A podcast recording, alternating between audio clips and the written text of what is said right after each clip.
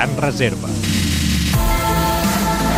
Avui faria 73 anys Valery Brumel, l'atleta soviètic que va batre 6 rècords mundials de salt d'alçada en dos anys.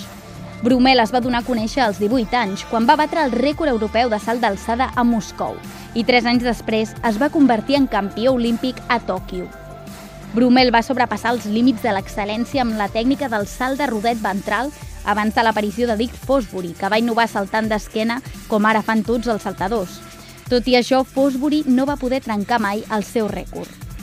En la seva època, cap esportista del món podia igualar la seva popularitat, a principis dels anys 60, Brummel va ser nomenat el millor esportista del planeta pels principals mitjans de comunicació internacionals.